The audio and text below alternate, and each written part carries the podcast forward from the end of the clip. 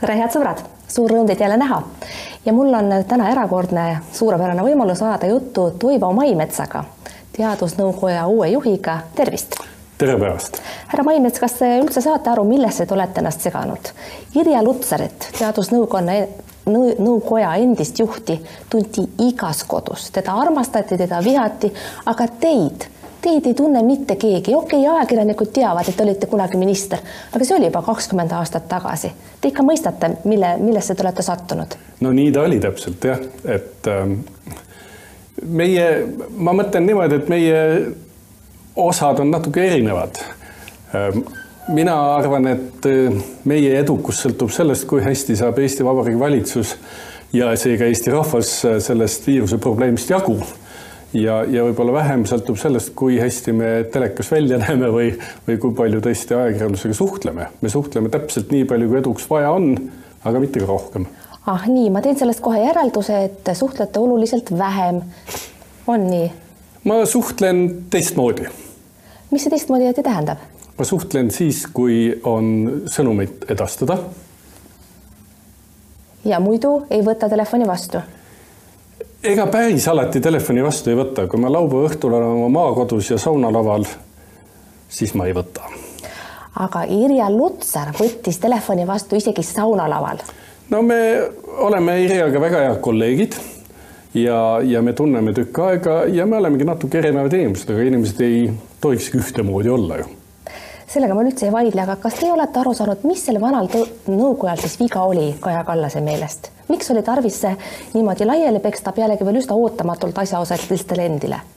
no ma ei oska nende peksmise ja nende väljenditega üldse nõustuda, sest tegelikult muidugi äh, kui Kaja Kallas helistas mulle selle pakkumise tegi, siis ta ütles, et vana nõukoja tööleping lõpeb aasta lõpuga ja on vaja kokku panna uus nõukoda ja on vaja minu teadmisi ja oskusi ja tule appi ja see on selline koht, kus, kui sinu riik sind kutsub appi, siis sa ei ütle sellele ei. millal see kõne oli?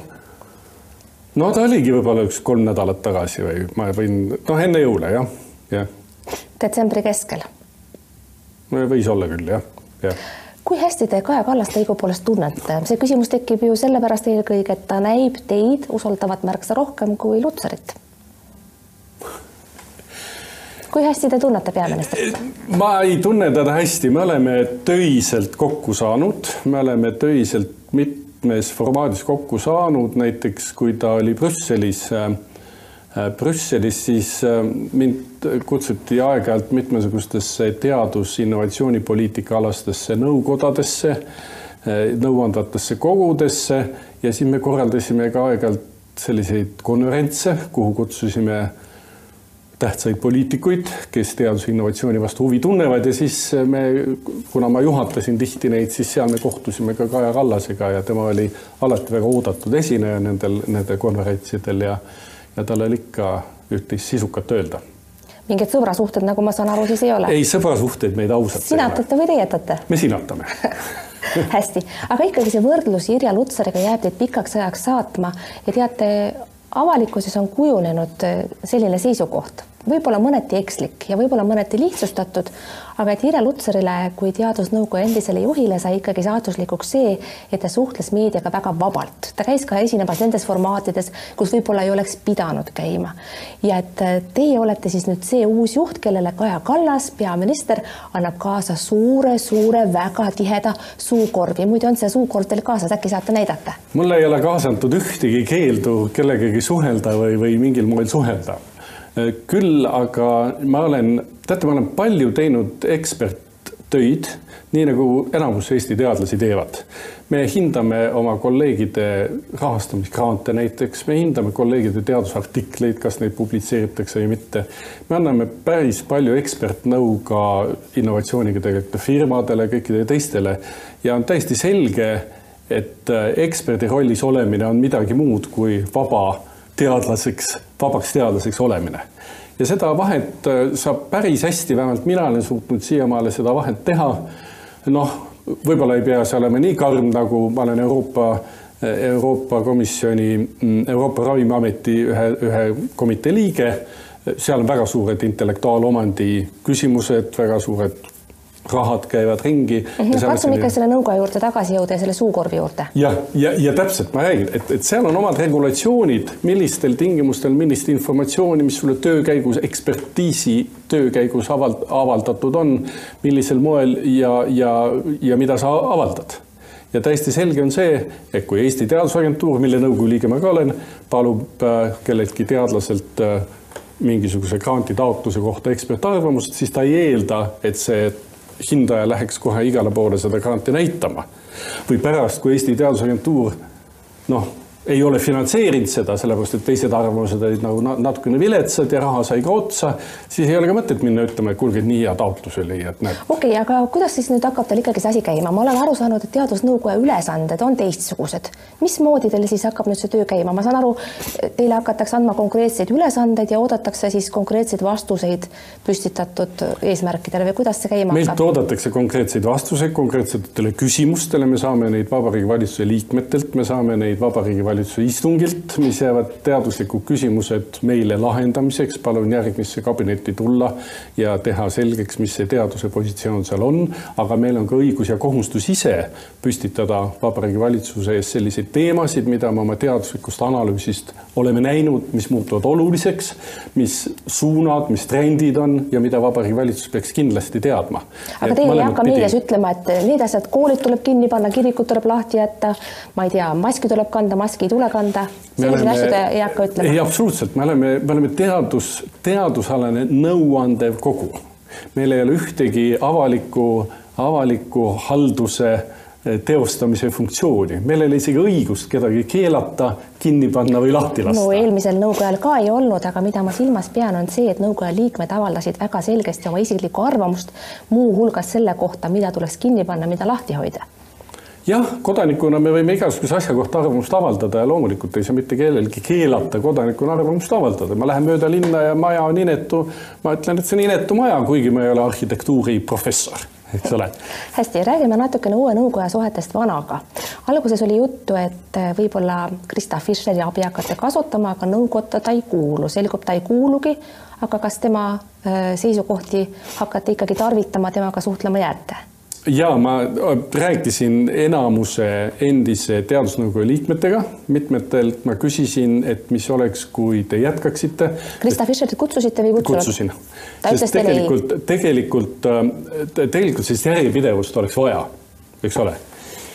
Kristaga oli niimoodi, et Krista kaalus seda ja ta leidis tegelikult sellise lahenduse, ta teeb sedasama tööd edasi, tema ekspertiis on ääretult unikaalne Eestis. ühest küljest ta on väga hea matemaatikastatistik, teisest küljest ta mõistab seda biomeditsiini poolt, mis nende arvude taga on. ja mul oli täiesti selge, et ilma tema abita on väga keeruline edasi minna.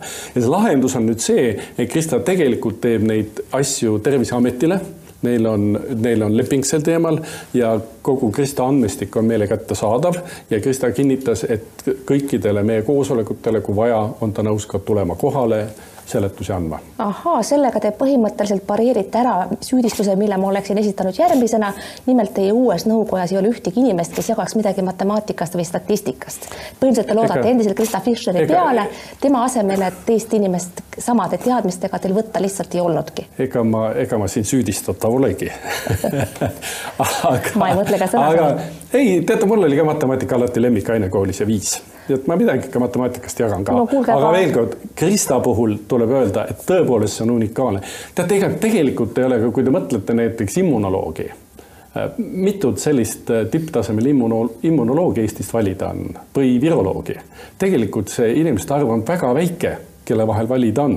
noh, päris ühte ei ole, nii nagu Krista puhul on, aga ka immunoloogias on kas umbes kas see või see või teine inimene. ja no vaatamegi nüüd natukene seda koosseisu veel ka lähemalt, rääkisime juba Fischerist, kelle kaasamine oli kõne all ja kes jääb teiega siis koostööd tegemas. Lutsariga ma saan aru, teil on ka otseliin, tema jätkab oma äh, analüüside tegemist nii või teisiti ja ilmselt annab siis ka teile nõu, aga ei saa enam palka, eks ole, selle eest jah, ega Ire Lautsariga me olime ennem väga head tuttavad ja loodetavasti ka pärast seda, kui mina enam ei ole teaduskoja esimees, ka siis oleme.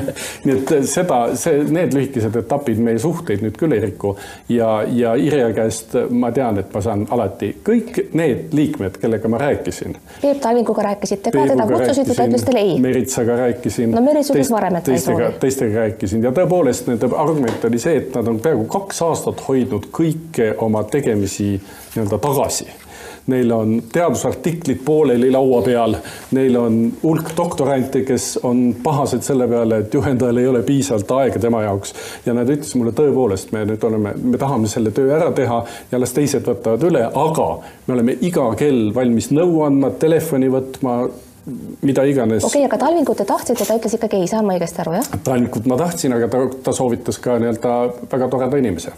ja tema, tema soovitas siis kelle? oma kolleegi ja tema nimi on? Altmets.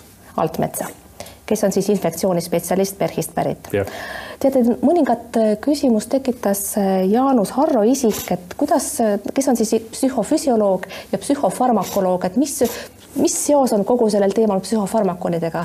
Jaanus Harro on tegelikult väga huvitava, huvitava ekspertiisiga inimene. Jaanus on arsti, arstina lõpetanud Tartu Ülikooli, farmakoloogina ehk ravimiteadlasena, eks ole psühhofarmakonid on tema kitsam eriala, et tema, kuidas see nagu tema eriala on psühhofarmakonid ja selle tõttu on tema side psühholoogiasse ja seetõttu on tema side ühiskonnateadustesse ja selle tõttu on ta olnud ta Tartus lisaks sellele, et on arstiteaduskonna prodekaan hulk aega olnud, on ta sotsiaalteaduskonna dekaan olnud hulk aega. ehk tema on see link, kes tegelikult ühendab meditsiini ühiskonnaga laiemalt. ühiskonna üks tema aladest on tervis tervishoiukorralduse kompleksprobleemid. Need on sellised probleemid, kus ei ole ainult meditsiinilist vaadet vaja, vaid on ka palju lai, laiemat psühholoogi vaadet, korralduslikku vaadet ja, ja kõike seda, nii et Jaanus Arro on selles mõttes ja noh, takkapihta on ta lihtsalt üks tark inimene. hästi, Margus Varjak, viroloog, on selles koosseisus rünnatav ühe eelmise aasta alguses välja öeldud tsitaadi pärast mille, milles ta väitis, et see, see pandeemia on varsti läbi. seda kindlasti hakatakse nüüd talle nüüd ette heitma.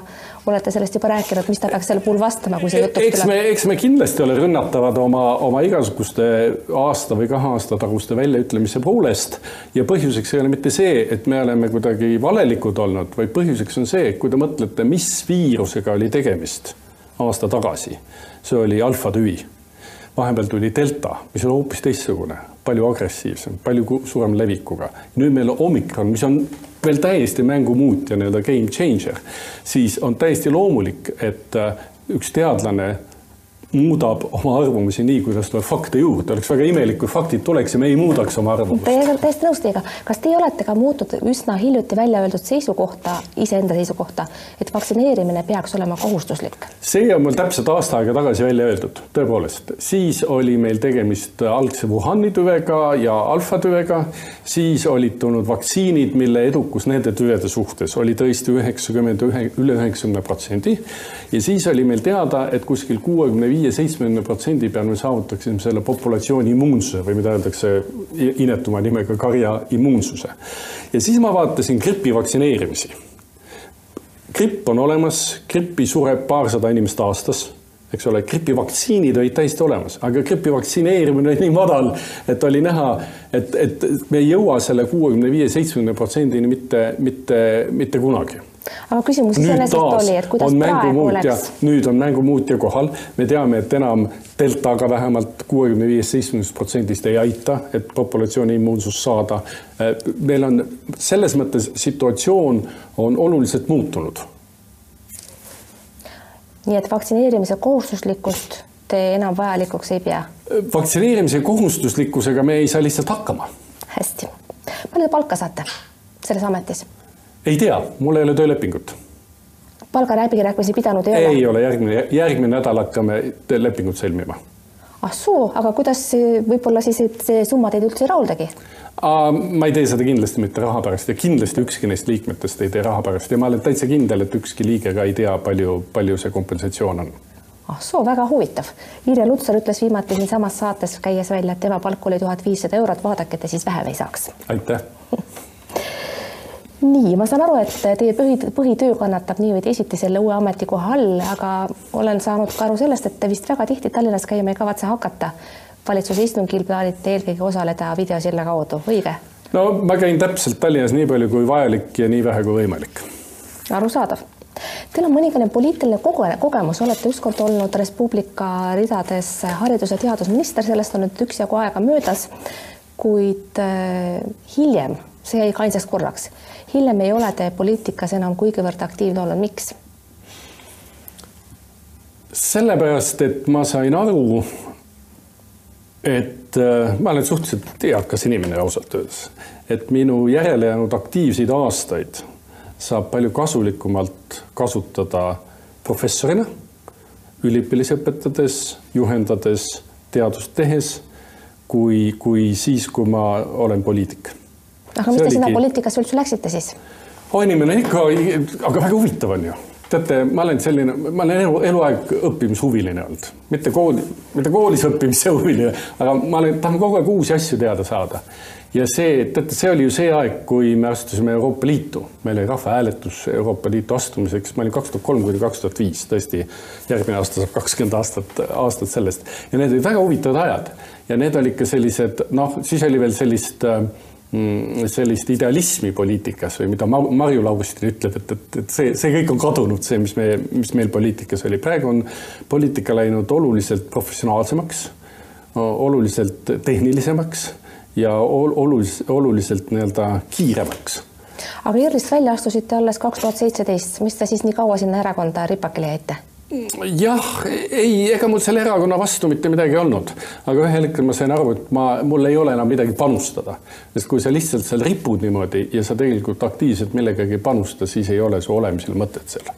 kahe tuhande kaheteistkümnendal aastal proovisite rektoriks saada, aga ei saanud. ei te, saanud. miks ei saanud? no ei saanud nii palju hääli kokku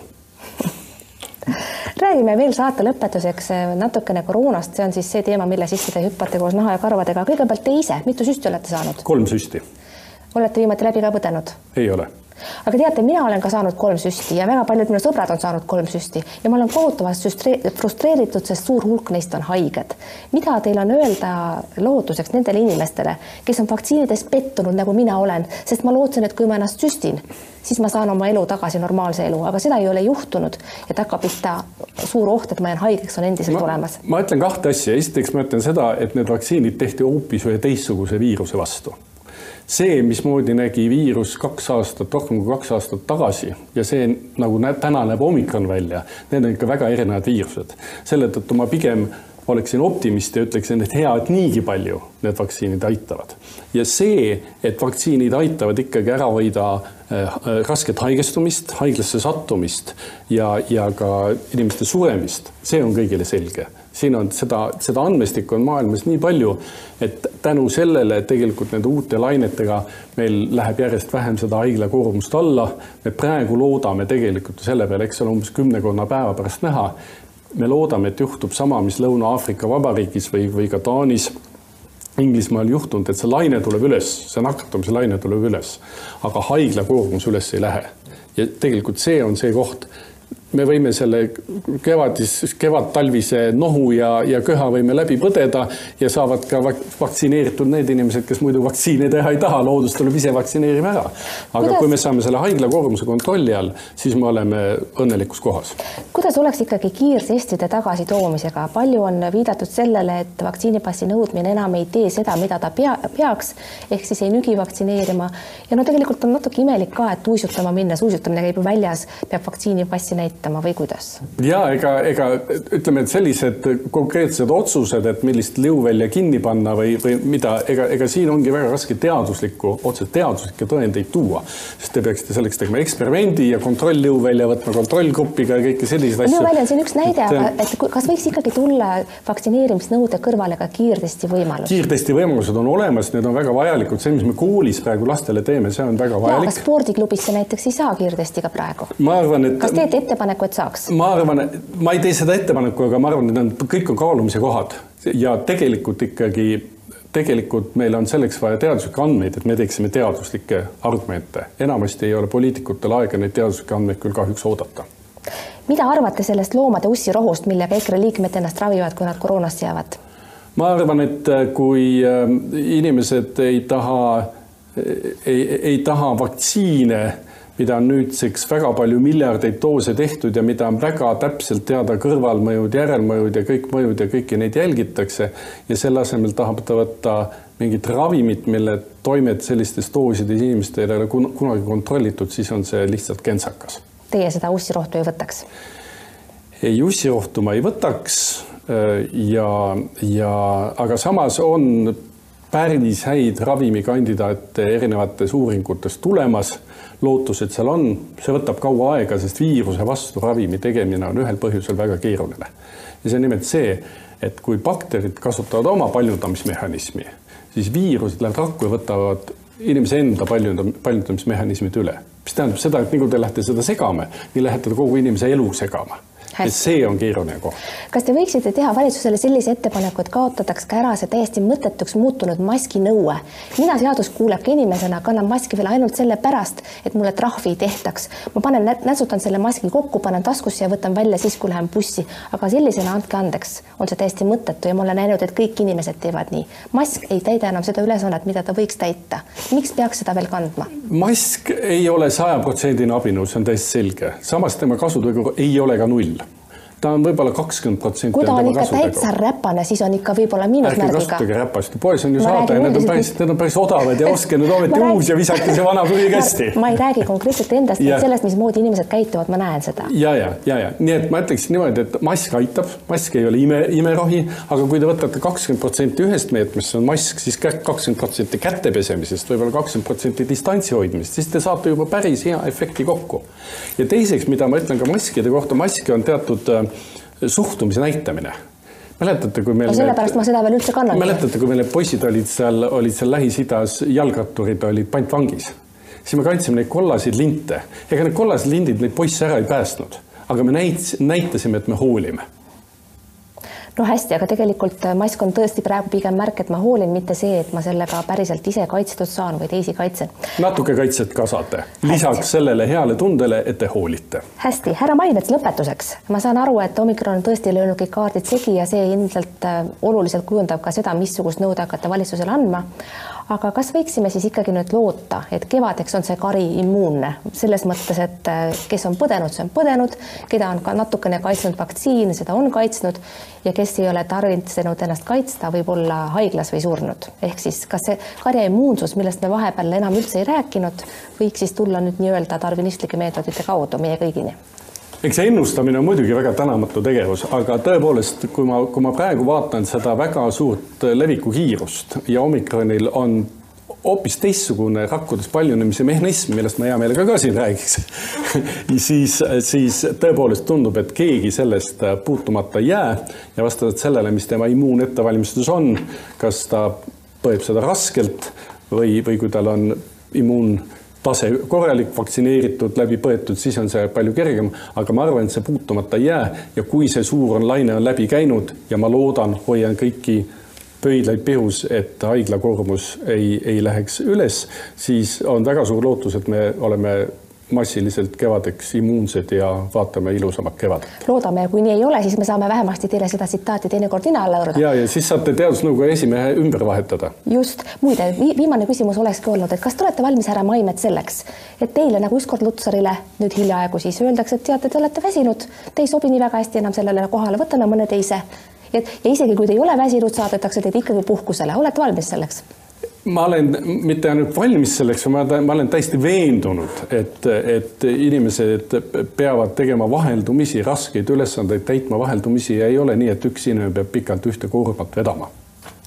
Toivo Maimets suur,, suur-suur tänu, et te tulite stuudiosse, edu teile palgaläbirääkimistel, mis on teil veel pidamata, nagu ma aru saan, ja edu teile teie raskes töös. head sõbrad, aitäh, et te vaatasite, vaadake teinekord ikka jälle, mingu teil vahepeal hästi, olge terved, kuulmiseni ja nägemiseni.